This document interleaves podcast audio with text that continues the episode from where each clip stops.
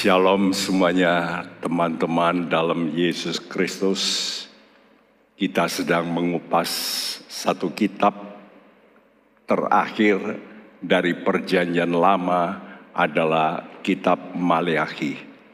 Setelah kitab Maleakhi ini dinubuatkan, maka Allah berhenti bicara untuk 400 tahun Mengapa demikian, suku? Karena manusia itu hatinya begitu mengeras.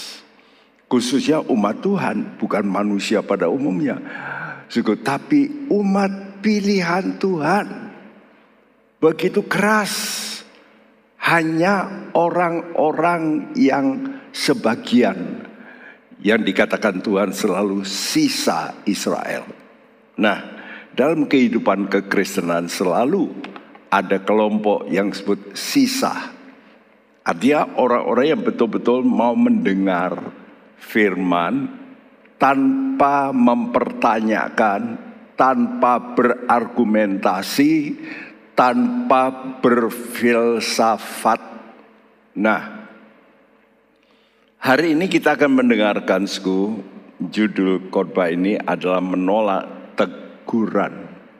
Dan inilah awal kerusakan hubungan. Ya, hubungan dengan Allah itu rusak. Jadi Tuhan bicara begitu keras dalam kitab Maleakhi dan tidak ada kitab yang seperti ini. Jadi Tuhan ini sudah orang Jawa bilang muntap ya, sudah uh, rasanya berat sekali untuk menghukum. Tapi dia akan melakukan hal-hal yang umat Tuhan akan menerima resikonya. Nah, saudara, Maleakhi 1 ayat 6 berbunyi, Seorang anak menghormati bapaknya dan seorang hamba menghormati tuannya. Jika aku ini bapa, di manakah hormat yang kepadaku itu? Jika aku ini Tuhan, di manakah takut yang kepadaku itu firman Tuhan semesta alam kepada kamu, hai para imam yang menghina namaku. Tetapi kamu berkata, dengan cara bagaimanakah kami menghina namamu? Iya, ditegur tapi masih bertanya. Ya, dengan cara bagaimana kami menghina namamu? Wah, berarti teguran Allah yang benar, mutlak benar, saya katakan Allah itu tidak mungkin salah, mutlak benar. Bahkan dia itu maha tahu, ya, maha kuasa. Nah bayangin, kalau mutlak benar berarti mutlak kudus. Karena benar itu dasar dari kekudusan. Jadi Allah itu maha kudus. Dia mutlak benar. Dan dia maha tahu apa isi hati manusia. Bahkan apa yang akan dilakukan ke depan dia tahu. Jadi kalau sekarang ditegur oleh Allah yang maha tahu, mengenal hati manusia, yang maha benar, tapi mereka masih mempertanyakan, maka di sinilah Saudaraku, Tuhan lalu berkata, di mana hormat yang kepadaku itu sebagai Bapak. Allah menyatakan dirinya sebagai Bapak dan sebagai Tuhan. Di mana takutmu kepadaku itu di mana? Ya. Nah, Saudaraku, kita tahu bahwa dua model hubungan manusia dengan Allah ini memang sudah di set up, dirancang oleh Tuhan sejak awal. Hubungan kita dengan Allah itu dalam spirit kekeluargaan. Pertama, ya, yang kedua, hubungan kita dengan Tuhan itu dalam spirit pekerjaan. Karena itu jangan sudah pikir nanti kalau kita sudah masuk ke sorga kita tidak bekerja. Tidak, tetap bekerja. Bekerjanya salah satu yang penting memuji-muji Tuhan memuliakan Tuhan. Ya, mengagung-agungkan Tuhan. Jadi suku hidup ini mesti dalam spirit dua spirit yang terpenting ini, yaitu spirit kekeluargaan, family of God, keluarga Allah dan pekerjaan Allah. Allah tidak mau suku menyelamatkan orang yang malas. Ingat ini. Jadi kalau ada orang di gereja yang suka malas, tidak mau melakukan apa-apa, jangan harap masuk surga. Ya. Karena Allah itu bekerja sampai sekarang. Nah, jadi kesatuan Allah Tritunggal itu juga dalam bingkai yang sama. Allah Bapa, Allah Anak, Allah Roh Kudus, ini dalam spirit kekeluargaan dan tiga-tiganya dalam spirit bekerja.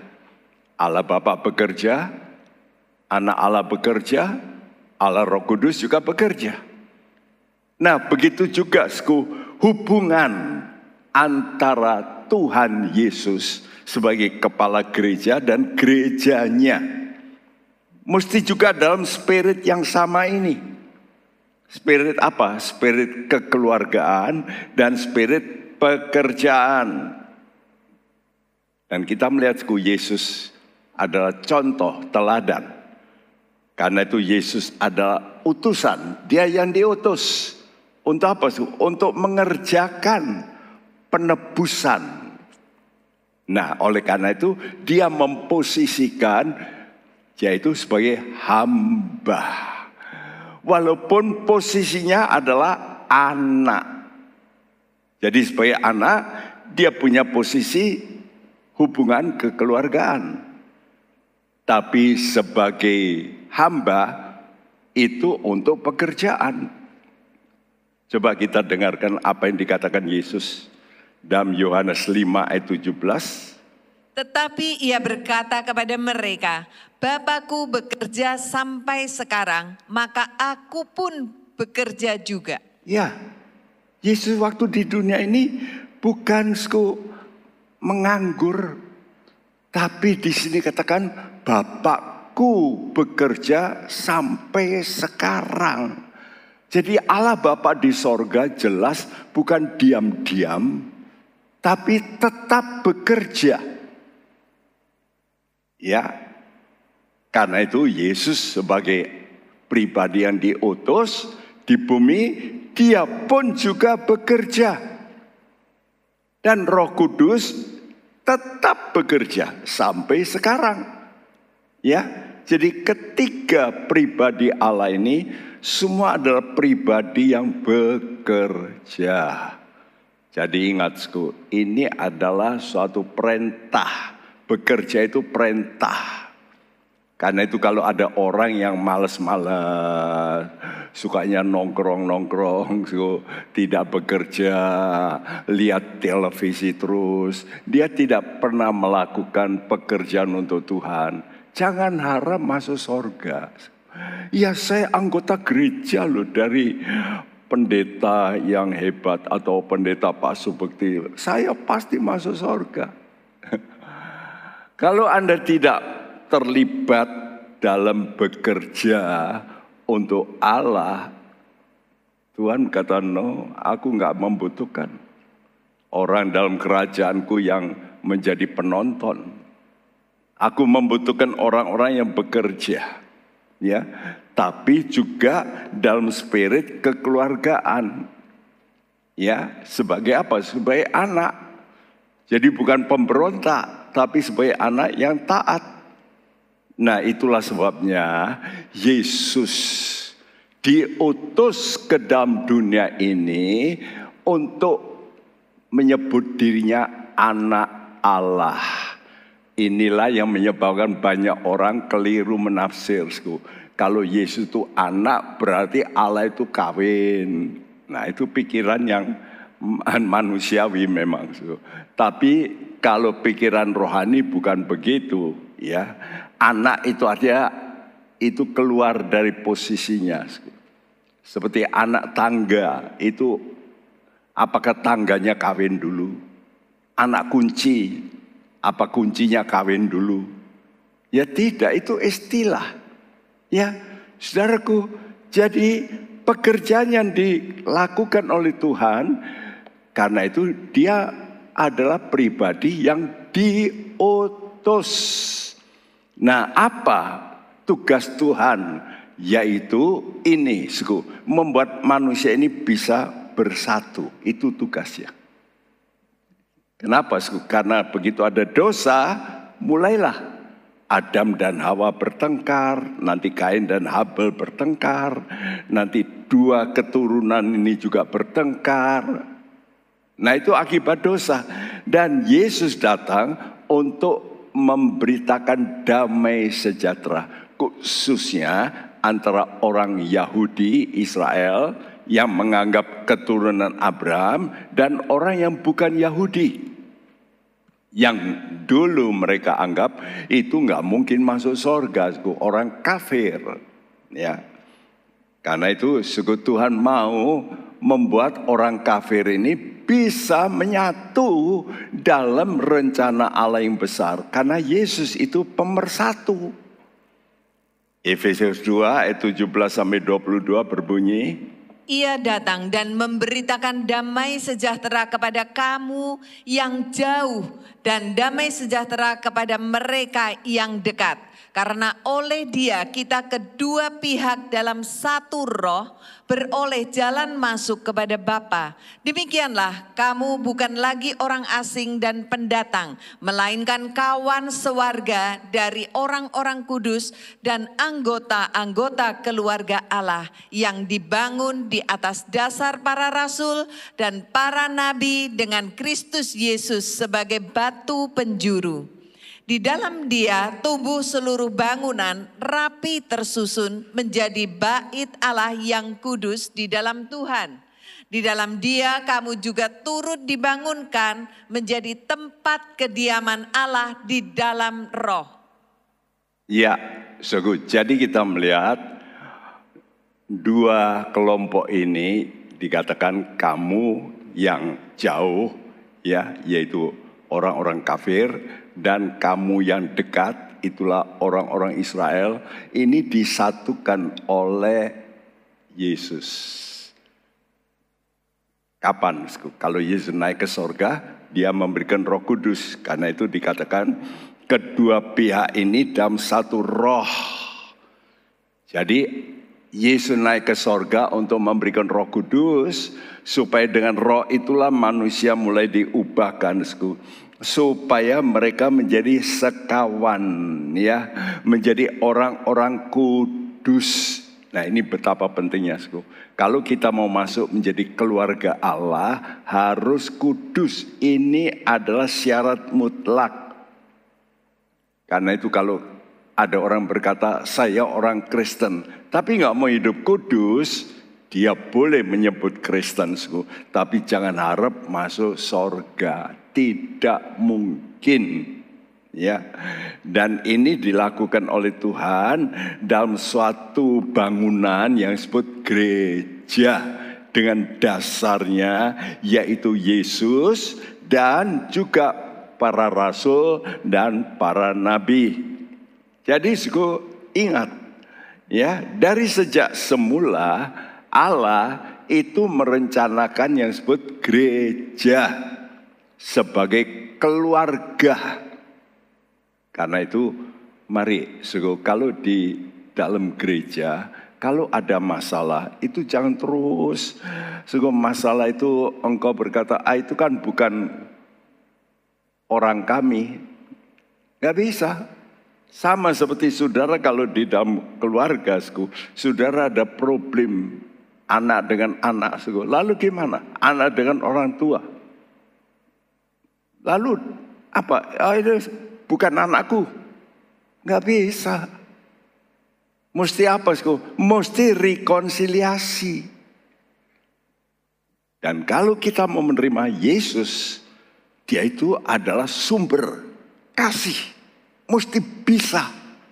Ya, dalam spirit kekeluargaan. Dan bukan hanya dalam spirit kekeluargaan, tapi dengan kasih dalam spirit pekerjaan. Bekerja bersama dengan Tuhan membangun gereja. Karena itu yang disebut umat Tuhan itu adalah pribadi-pribadi yang masuk dalam kekristenan tapi kontribusi. Perhatikan, kontribusi untuk apa, sku? Untuk membangun yang disebut gereja. Gereja itu bukan gedung, sku. Memang kadang-kadang kita membangun gedung bersama.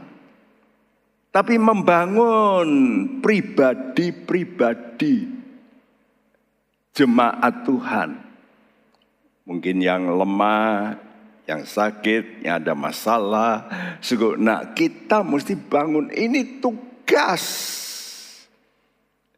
jadi kalau kita dalam umat Tuhan masih ada rasa kebencian dan sebagainya, itu kita mesti bertobat. Kita berkata tidak tidak layak Tuhan.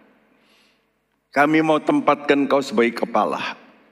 Nah sebab itu, sku, sebagai anggota-anggota keluarga Allah, kita ini harus bekerja sama membangun gereja Tuhan yang disebut juga tubuh Kristus.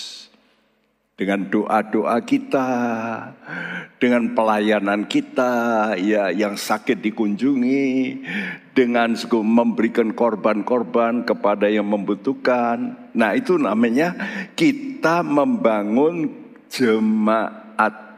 Sebagaimana Roma 14 ayat 19 berbunyi, Sebab itu marilah kita mengejar apa yang mendatangkan damai sejahtera dan yang berguna untuk saling membangun. Ya ini tugas kita. Mengejar apa yang mendatangkan damai. Nah kita mesti mengejar perdamaian. Dan yang berguna untuk apa? Saling membangun, saling jadi marilah kita mesti mempunyai hati ini. Hati yang demikian sudah dicontohkan oleh Yesus. Dia pribadi Allah yang mau turun menjadi apa? Menjadi hamba. Nah, ini masalahnya. Masalah semua problem itu kesombongan manusia. Nggak mau tunduk. Kalau saudara mencintai Tuhan, saudara mesti berkata, Tuhan ampuni saya. Saya mau mencontoh engkau, Allah, tapi mau merendahkan diri menjadi manusia. Inkarnasi. Itu sesuatu yang paling penting. Ya. Nah sebagai anak Yesus dan juga sebagai hamba, dia membangun gereja. Dengan apa dasar utamanya? Memberikan diri dengan merendahkan diri. Ini kunci utama. Karena itu Yesus datang mengajar kita apa? Bukan mengajar kita ilmu teologi, ini itu. Mengajar kita soal hati. Belajarlah kepadaku karena aku apa? Lemah lembut dan rendah hati. Ini saja subjek ini kalau Anda bisa mencapai nanti Tuhan kasih soal yang lain. Pengertian tentang eskatologi, teologi, ya yang logi-logi, yang logika-logika. Itu nanti Tuhan beri. Saya yakin begitu. Karena Tuhan itu Tuhan bisa pakai orang-orang yang rendah-rendah seperti Petrus nelayan-nelayan. Kenapa Tuhan pilih mula-mula muridnya begitu? Karena untuk membuktikan orang-orang ini bisa diubah oleh Tuhan dimulai dengan satu hal, hati yang rendah. Karena itu Tuhan berkata Allah melawan orang yang sombong, yang nggak mau tunduk pada firman. Filipi 2 ayat 5 sampai 9 ini saya ubah sedikit dari bahasa Indonesia yang ada kata pikiran dan perasaan. Mestinya pikiran karena ini yang menentukan perasaan kita ya. Coba dibacakan. Hendaklah pikiran ini di dalam kamu yang terdapat juga dalam Kristus Yesus, yang walaupun dalam rupa Allah tidak menganggap kesetaraan dengan Allah itu sebagai milik yang harus dipertahankan, melainkan telah mengosongkan dirinya sendiri dan mengambil rupa seorang hamba dan menjadi sama dengan manusia. Dan dalam keadaan sebagai manusia, ia telah merendahkan dirinya dan taat sampai mati, bahkan sampai mati di kayu salib. Itulah sebabnya Allah sangat meninggikan dia dan mengaruniakan kepadanya nama di atas segala nama. Ya, kualitas kekristenan saudara itu bukan terletak pada aktivitas. Sekali lagi, Kekristenan saudara bukan terletak pada aktivitas. Mutu kekristenan saudara terletak dalam pikiran Anda. Saya ulangi lagi. Mutu kekristenan kita bukan terletak pada aktivitas atau pengorbanan kita, tetapi pada pikiran kita. Bagaimana pikiran kita? Apakah pikiran kita itu in tune, selaras dengan pikirannya Yesus. Nah, itu. Kalau pikiranmu selaras dengan Yesus, nah engkau punya kualitas. Ini penting sebab banyak orang berpikir sukses itu karena wah dia bisa memimpin gereja, jemaatnya banyak. Belum tentu. Saya melihat belakang-belakang ini banyak suku hamba-hamba Tuhan di luar negeri yang gede-gede gereja yang besar pada jatuh dalam dosa. Jadi Tuhan tidak melihat karyamu. Tuhan melihat hatimu. Memang baik kalau orang hatinya baik lalu karyanya jadi besar. Tapi belum tentu karya yang besar itu hatinya baik. Jangan dibalik. Jadi kita ini mesti sadar. Ayat ini kalau dalam bahasa Indonesia dikatakan, dalam hidupmu bersama, hendaklah kamu menaruh pikiran yang ada dalam Kristus. Ada kata dalam hidupmu bersama. Memang itu konteksnya dalam Filipi pasal 2. Mulai dari ayat 1 memang begitu. Karena itu yang ditekankan, ini terjemahan lain berkata, hendaklah pikiran ini di dalam kamu. Surat ini ditujukan pada siapa? Pada gereja. Eh gereja Tuhan, pikiran ini loh harus ada pada kamu seperti apa yang ada dalam Kristus. Ya, kenapa Yesus datang? Untuk apa? Membangun gereja. Karena itu, jangan sepelekan gereja. Ya, karena gereja ini adalah suatu proyek dari Allah pribadi. Ya, dan untuk proyek besar mendirikan gereja ini, Yesus merendahkan diri sampai juga dengan taat mati di kayu salib. Jadi saya katakan, kerendahan hati ini kunci hubungan kasih. Ya.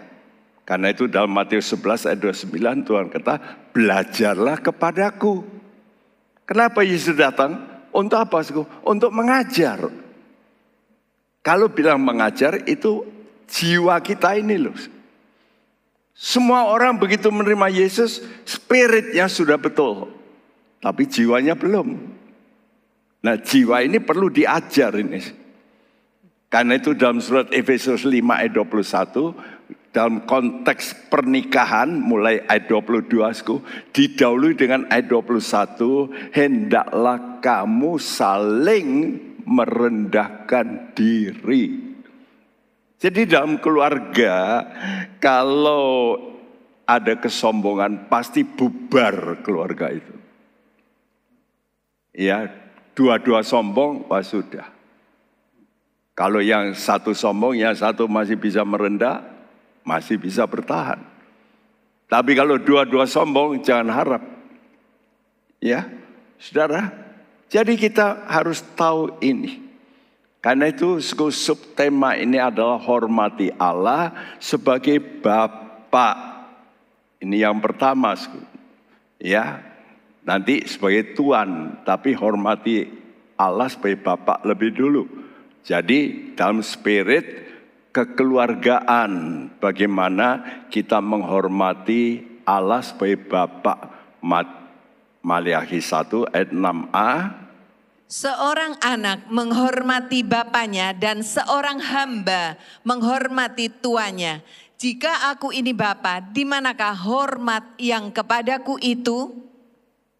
Ya, kata Tuhan, seorang anak menghormati bapaknya seorang hamba menghormati tuannya. Jadi perhatikan, yang dituntut oleh Tuhan dari manusia itu hormat dan takut. Ya, jika aku ini bapak, di manakah hormat kepadaku? Di mana? Jika lo aku ini tuan, di mana hormatmu? Ya. Jadi Allah rindu hubungan kita dengan dia itu sebagai anak dan bapak. Dan ini lebih jelas kalau dalam perjanjian baru Tuhan Yesus mengajar doa. Doa apa? Bapak kami yang di sorga. Wow. Ya, tidak ada suku agama yang berani berkata bahwa Allah itu Bapak Justru dalam kekristenan. Kenapa? Karena Yesus ini memberi contoh. Aku dulu mau diutus sebagai anak. Walaupun aku ini pribadi Allah. Tapi aku keluar dari posisiku. Nah inilah. Kita mesti keluar dari posisi mungkin sebagai bos. Mungkin sebagai orang pandai. Mungkin sebagai orang yang wah cekatan, berhasil. Kita mesti keluar itu. Matikan kesombongan kita ini. Ini tugas kita. Nah kata Bapak yang paling utama itu mempunyai arti pribadi yang menurunkan benih. Itu Bapak. Ya.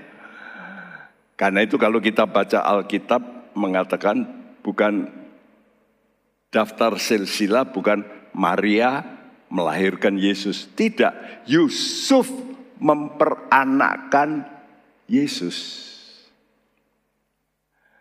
Daud memperanakkan Salomo. Selalu kata memperanakkan. Nanti saudara baca dalam kitab kejadian pasal 5 maupun Matius pasal 1 itu daftar silsilah. Selalu kata-kata memperanakkan. Jadi Tuhan tidak problem soal melahirkan, tapi memperanakkan. Jadi memang gen anak itu dari benih laki karena itu kenapa nama pria itu masih disandang dalam keluarga untuk anak-anaknya. Misalnya anak saya, semua belakangnya ada subekti. Karena itu marganya, itu benih. Benih dari Timotius subekti. Ya, saudaraku. Jadi kita melihat, Kata bapak, karena itu juga dapat dikenakan pada kakek. Karena kakek ini juga menurunkan benih ini. Kepada nenek moyang. Bahkan seperti orang Israel itu dikatakan apa? Keturunan Abraham. Karena nenek moyangnya Abraham. Ya. Jadi kita mesti tahu, Allah itu pribadi. Pribadi yang berkata sebagai Bapak. Artinya dia ingin menurunkan benih ilahi. Ingat-ingat ini. Kalau engkau berkata Bapak kami di sorga. Kapan engkau ini bisa dikatakan ya Bapak berkata oke okay, betul kamu ini anakku. Kalau engkau punya benihnya. Dan benihnya itu tidak lain adalah firman Allah. Karena itu kalau orang Kristen hatinya tidak ada firman Allah, dia bukan anak Allah, bukan. Karena benih ini adalah firman Allah. Lukas 8 ayat 11, waktu perumpamaan penabur dikatakan demikian. Inilah arti perumpamaan itu. Benih itu ialah firman Allah. Jelas, benih itu firman Allah. Jadi betapa pentingnya sudah datang ke gereja mendengar firman Allah. Kenapa? Karena saat itu benih ditabur. Benih-benih yang baik dari Allah. Jadi sifat-sifat Allah itu mau dimasukkan, mau ditransplantasikan dalam kita. Karena itu Yohanes 1 ayat 1 berkata, Pada mulanya adalah firman. Firman itu bersama-sama dengan Allah dan firman itu adalah Allah. Iya, firman itu Allah. Jadi karena itu waktu sudah dengar firman Tuhan, ini saat yang paling penting. Saat di mana kita mesti buka hati, betul-betul jangan sampai dicuri sama iblis. Seperti saat penaburan. Ya, yang ditabur di jalan itu langsung apa? Burung samber ambil. Sehingga tidak bisa tumbuh. Nah, yang lainnya jatuh di batu dan semaduri. Itu artinya hati orang. Ya, jadi yang pertama itu gangguan dari mungkin sudah dengar, tapi hatimu di luar. Mikir, mungkin, aduh kompornya belum mati.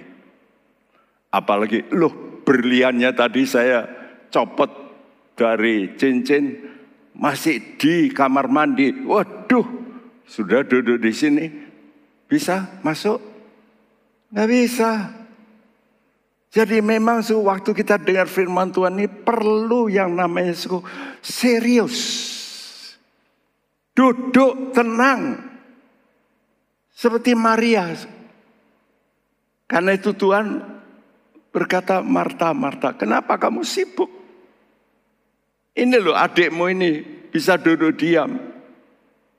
Itu penghormatan lebih daripada engkau memberi aku minum. Kalau kamu bisa dengar firman, itu aku sangat senang. Nah saya harapkan juga saudara yang ya jemaat Tuhan di mana pun kau ke gereja, coba dengarkan firman Tuhan itu dengan rasa respon tinggi. Ya, jadi jelas Allah Bapa itu menghendaki setiap orang mendengar firman itu menjadi percaya dan menerima pribadi Yesus itu sebagai Tuhan. Tuhan. Karena itu dia disebut Tuhan Yesus. Bahkan Kristus artinya yang diurapi Allah Bapa. Ya. Maksud Allah yaitu saudara itu kalau dengar kepribadianmu yang justru akan diubah. Karena itu kalau orang ke gereja kepribadiannya tidak berubah, itu salahnya siapa? Salahnya orang yang mendengar tidak mau tangkap firman Tuhan dengan sungguh-sungguh dengan rendah hati lalu harus disirami harus dijaga hatinya dengan baik supaya jangan ada kerikil-kerikil kebencian ya kekerasan itu mesti dibuang semua. Jangan ada kesukaan dunia seperti apa? Seperti semaduri. Dia mesti jaga baik-baik. Karena kejadian 1 ayat 26 Tuhan berkata, marilah kita membuat manusia serupa, segambar. Jelas. Jadi kita ini mau dibentuk serupa segambar dengan Allah. Karena itu juga dalam Yohanes 10 ayat 34 35 kepada siapa firman itu disampaikan itu disebut Allah, tapi Allah kecil, bukan Allah huruf besar, Allah kecil. Artinya hampir sama dengan Allah. Ya, tapi bukan maha. Nah, kualitasnya sama. Kudus, benar, ya, tapi bukan maha tahu, bukan maha kuasa. Tapi murah hati sama. Jadi sebelum jatuh, Adam itu pribadi yang serupa dengan Allah, serupa. Ya, Kejadian 5 ayat 1 berbunyi, Inilah daftar keturunan Adam. Pada waktu manusia itu diciptakan oleh Allah, dibuatnyalah dia menurut rupa Allah. Iya, waktu manusia dicipta, dibuatnyalah Adam itu menurut rupa Allah. Tapi karena dosa, maka rupa Allah ini rusak. Sehingga manusia hubungan dengan Bapak ini mulai ter ganggu, distorsi. Sebagai gantinya iblis masuk. Masukkan benih juga. Benih apa? Benih pemberontakan. Sehingga iblis menjadi bapak. Ya, karena itu dalam Yohanes 8 ayat 44 Tuhan Yesus berkata, "Bapakmu itu adalah pendusta. Bapakmu itu pembunuh." Siapa? Iblis. Ya, karena itu iblis ini menurunkan benih-benih kepada manusia untuk apa? Untuk berontak kepada Tuhan. Tuhan kata, ya pernikahan itu harus begini. Manusia berkata, no, itu kan pernikahan zaman dulu. Sekarang kan tidak, zaman modern. Nah ini suku. Jadi ada perlawanan kepada apa yang ditetapkan Tuhan. Karena itu bukan hanya itu suku. Nanti akan muncul seorang yang paling-paling ganas. Siapa itu? Antikris. Daniel 7 ayat 25 sudah menubuatkan ia akan mengucapkan perkataan yang menentang yang maha tinggi dan akan menganiaya orang-orang kudus milik yang maha tinggi. Ia berusaha untuk mengubah waktu dan hukum dan mereka akan diserahkan ke dalam tangannya selama satu masa dan dua masa dan setengah masa. Ya perhatikan nanti akan muncul seorang pribadi yang disebut antikris dia akan menentang yang maha tinggi. Dia akan menentang aturan-aturan. Sini katakan mengubah waktu. Ini sekarang kelihatan di sekolah-sekolah. Anak-anak kecil SD sudah diajari soal seks. SD ini nggak tahu apa-apa. Ya, diajari apa itu. Yang sebetulnya zaman dulu tabu, betul nggak? Jadi dia mengubah waktu, mengubah hukum. Oh dulu nggak boleh itu kuno, sekarang boleh. Ya, bahkan ada negara yang sudah memperbolehkan hubungan antar saudara. Ini sudah terjadi di dunia. Dulu larangan. Ya, tapi sekarang memperbolehkan. Bahkan mau menikah dengan siapa saja boleh. Sama ibunya, sama anaknya. Ada satu daerah di Italia, kalau saya lupa di mana. Tapi itu semua, ayah-ayah menghamili anak-anaknya. Dan jumlahnya bukan sedikit. Ya, satu kelompok besar. Wah, itu larangan keras di Alkitab. Tapi dilanggar. Dan itu yang terjadi. Ya. Jadi selain dia itu sebagai bapak menurunkan gen, ya, menurunkan kepribadiannya, menurunkan gennya.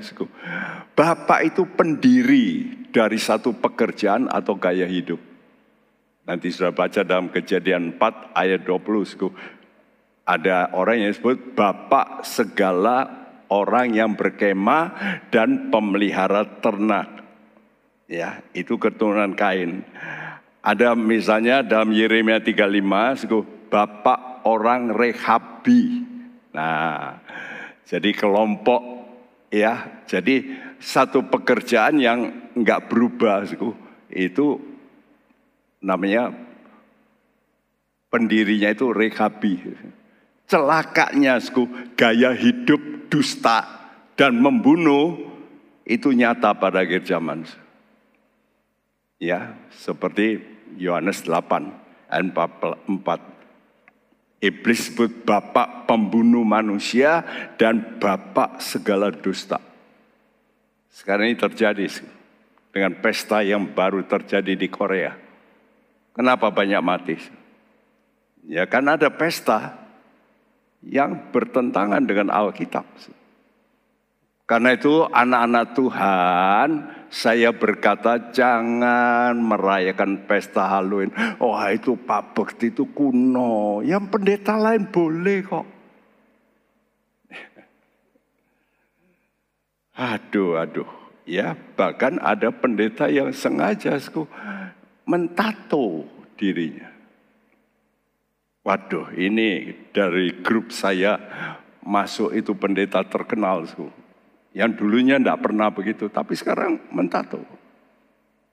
Lalu kilahnya begini. Bukankah Tuhan juga mentato kita di tangannya seperti kitab Nabi Yesaya? Engkau kugoreskan di tanganku. No, Tuhan menggores. Itu kan kiasan kata seorang pendeta yang memberikan suku uh, sanggahan ya Pendeta Rubin Adi berkata, itu kan kiasan.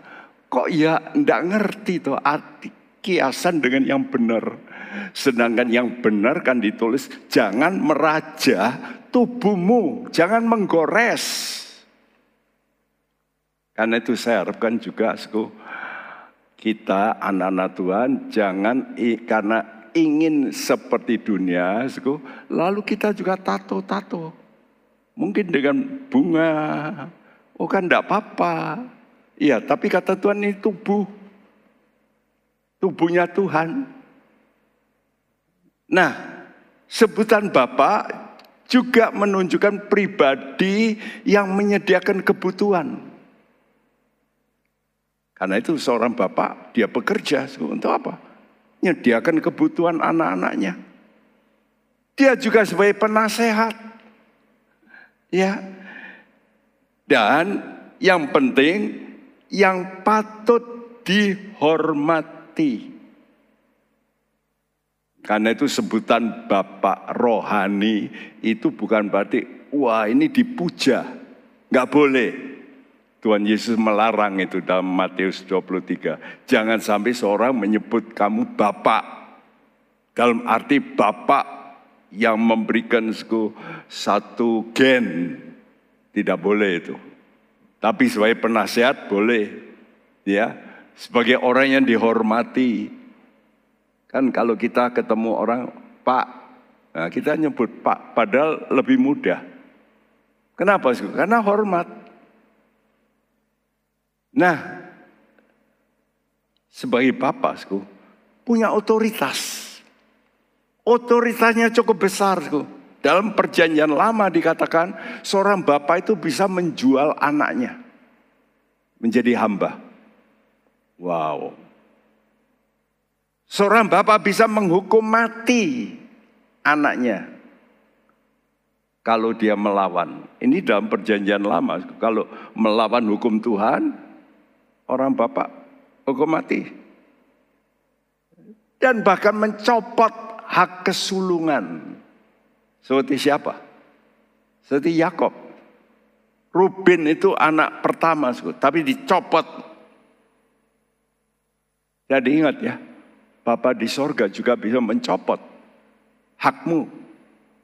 Yang sebetulnya engkau dapat, tapi engkau salah. Engkau tidak kudus, Tuhan cabut. Jadi kuncinya itu kekudusan. hati-hati ya. Semua ini menjual, menghukum, ini karena urusannya dengan hal ya dosa. Ya, kenapa jadi miskin? Ya karena tidak mendapat berkat. Sampai menjual anaknya. Ya, suku dalam konsep teologi, nah ini yang nanti kita terangkan secara panjang lebar. Tadi Bapak itu menurunkan, nah itu ya menurunkan berarti dia itu sumber. Sumbernya di mana mengalir segala janji. Ya, jadi karena itu saudara kalau engkau sebagai Bapak itu mesti jadi sumber berkat. Sumber pertolongan. Jadi bukan menuntut. Ya, ada bapak-bapak suku yang dikenal, tapi nuntut saya melihat satu ya uh, cuplikan dan itu betul terjadi. Suku. Anak masih kecil suku, dipaksa untuk ngamen oleh ayahnya. Kalau ngamennya dapat sedikit dipukuli, saya melihat sendiri itu, itu film ya suku, cerita yang benar, tapi lalu diperankan itu dalam solusi. Tapi itu benar. Ya, bagaimana anak itu dihajar. Saya melihat kadang-kadang ayahnya memecahkan botol lalu ditusukkan ke anaknya. Waduh, ini bapak. Bapak kandung ya. Kenapa? Karena bapak kandung minum-minum. Dia sebagai preman. Tapi akhirnya bertobat preman itu. Ya, gara-gara ketekunan anak ini. Ya. Nah, supaya seorang yang bisa jadi sumber itu sumber berkat. Itu seperti Bapak Abraham. Allah kita juga disebut Bapak, kenapa? Sumber. Ya. Jadi Bapak Abraham itu bapaknya orang bersunat, maupun tidak bersunat. Roma 4 ayat 11 12. Dan tanda sunat itu diterimanya sebagai meterai kebenaran berdasarkan iman yang ditunjukkannya sebelum ia bersunat. Demikianlah ia dapat menjadi bapa semua orang percaya yang tak bersunat, supaya kebenaran diperhitungkan kepada mereka, dan juga menjadi bapa orang-orang bersunat, yaitu mereka yang bukan hanya bersunat, tetapi juga mengikuti jejak iman Abraham, bapa leluhur kita, pada masa ia belum disunat. Wow, Abraham pantas disebut bapak semua orang percaya. Dan bahkan bapaknya untuk umat Yahudi Israel. Yaitu bapak orang-orang bersunat. Jadi hebat.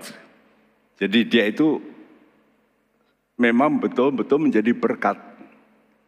Karena itu kalau kita baca Alkitab, Ishak diberkati karena Abraham. Wah, Senang nggak punya bapak yang engkau bisa nikmati berkat oleh karena ayahmu. Bukankah itu terjadi? Anak-anak menikmati kekayaan orang tuanya. Kenapa? Ya karena dia bapak. Nah, kita itu harus punya hati seperti itu menjadi berkat itu sebagai bapak menjadi sumber, sumber untuk menolong. Nah, Allah itu juga disebut Bapak. Ya. Kenapa, Sku? Karena dia itu sebagai sumber.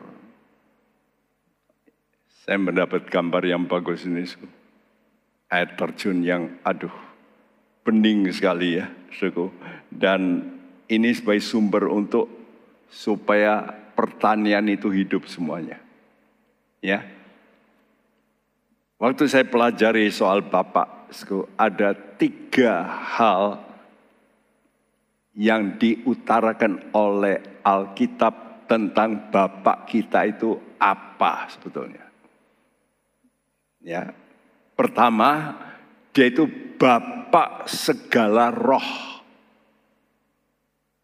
Nah kalau roh itu hubungannya dengan soal kehidupan.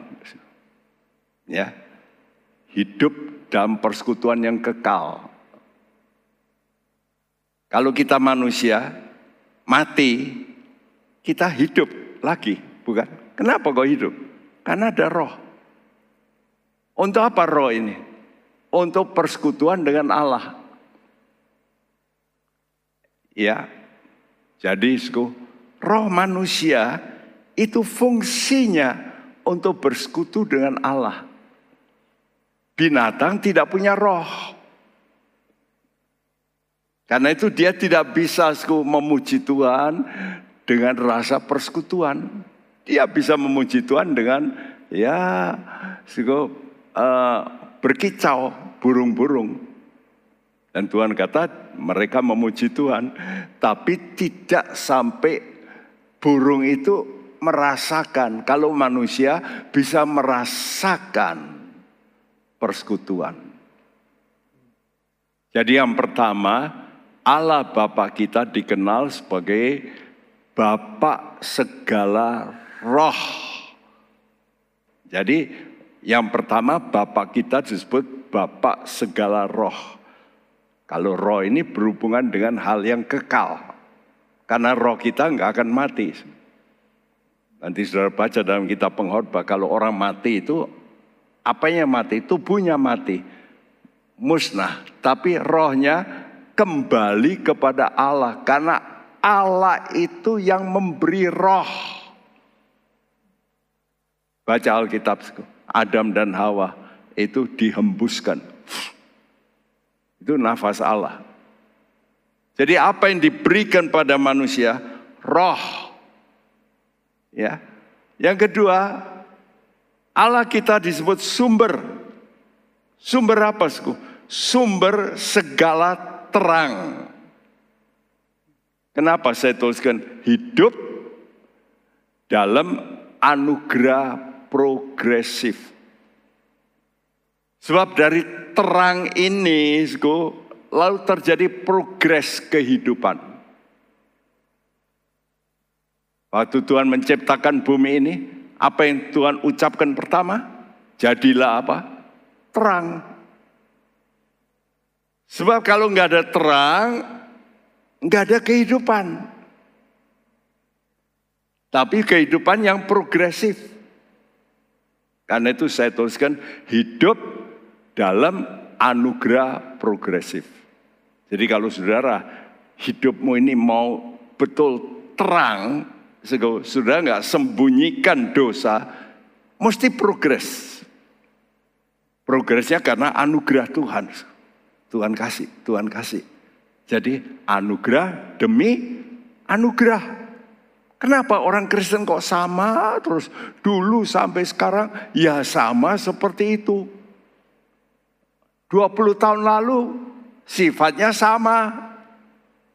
Kenapa? Karena dia tidak mengalami progres. Kenapa tidak progres? Karena hidupnya nggak terang. Banyak yang disembunyikan. Khususnya dosa. Nggak mau diakui. Nah kalau orang tidak mau mengakui dosa, nggak mungkin progres. Nggak mungkin. Yang ketiga yang puncaknya. Jadi perhatikan pertama Tuhan kasih hidup. Lalu hidup yang progres. Lalu puncaknya hidup mewarisi kerajaan. Ini sumbernya kemuliaan. Bapak kemuliaan. Father of glory. Jadi yang pertama Father of spirits. Father of lights. Dan terakhir, Father of glory. Jadi karena itu, saudara yang ikut Tuhan sekarang mungkin di dunia tidak mulia, nggak apa-apa. Jangan pusing. Engkau mungkin dihina, dibully bahkan. Dan saya memang rasa semua anak Tuhan yang benar pasti ngalami aniaya. Pasti ngalami hal yang jelek. Supaya apa? Supaya diuji. Dia betul anak Tuhan, tidak terkontaminasi. Walaupun dihina, walaupun tidak masalah. Saya sudah dihina berapa kali di depan umum. Dalam acara umum yang besar. Beberapa kali saya dihina. Saya berkata nggak apa-apalah Tuhan aja diludahi. Saya cuma diludahi sekali. Tuhan diludahi oleh serdadu, tidak tahu berapa banyak ya. Ludahnya orang serdadu itu kena mukanya Yesus. Saudaraku, mari kita mau belajar untuk betul-betul menjadikan Yesus Bapak kita. Istimewa Allah Bapak itu Bapak kita, sumber. Ya, dia sumber segala sesuatu, sumber hidup hidup persekutuan, sumber hidup anugerah, sumber hidup untuk warisan yang kekal. Wow, dahsyat. Oleh karena itu mari kita mau bersyukur untuk hal ini. Kita mau berkata Tuhan, terima kasih buat kasihmu yang begitu hebat untuk kami. Engkau memang Bapak yang patut kami hormati hormati Yesus. Puji Immanuel.